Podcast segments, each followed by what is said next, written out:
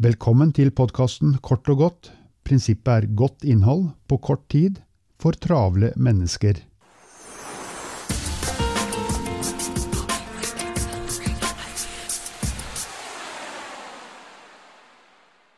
Dopamin er et signalstoff i hjernen som vi kjenner fra belønningssystemet. Når vi opplever noe som bra, når vi forventer noe bra, eller når vi ruser oss, øker dopaminkonsentrasjonen i deler av hjernen.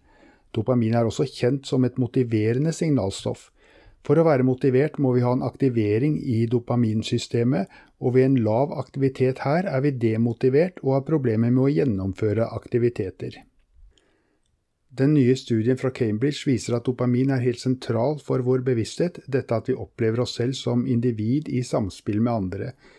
Bevissthet er både filosofisk og nevrobiologisk delt i to. Det første, som vi ikke har svar på, men som eh, vi har mange teorier omkring, er det som kalles det harde problemet.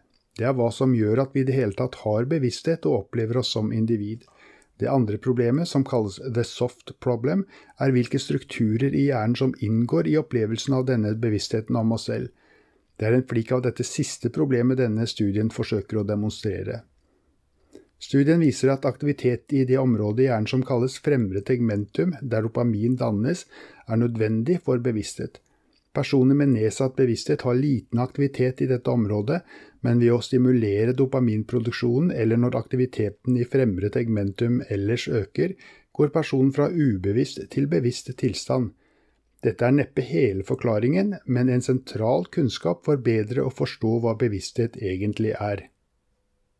Dopaminproduksjonen eller når aktiviteten i fremre tegmentum ellers øker, går personen fra ubevisst til bevisst tilstand.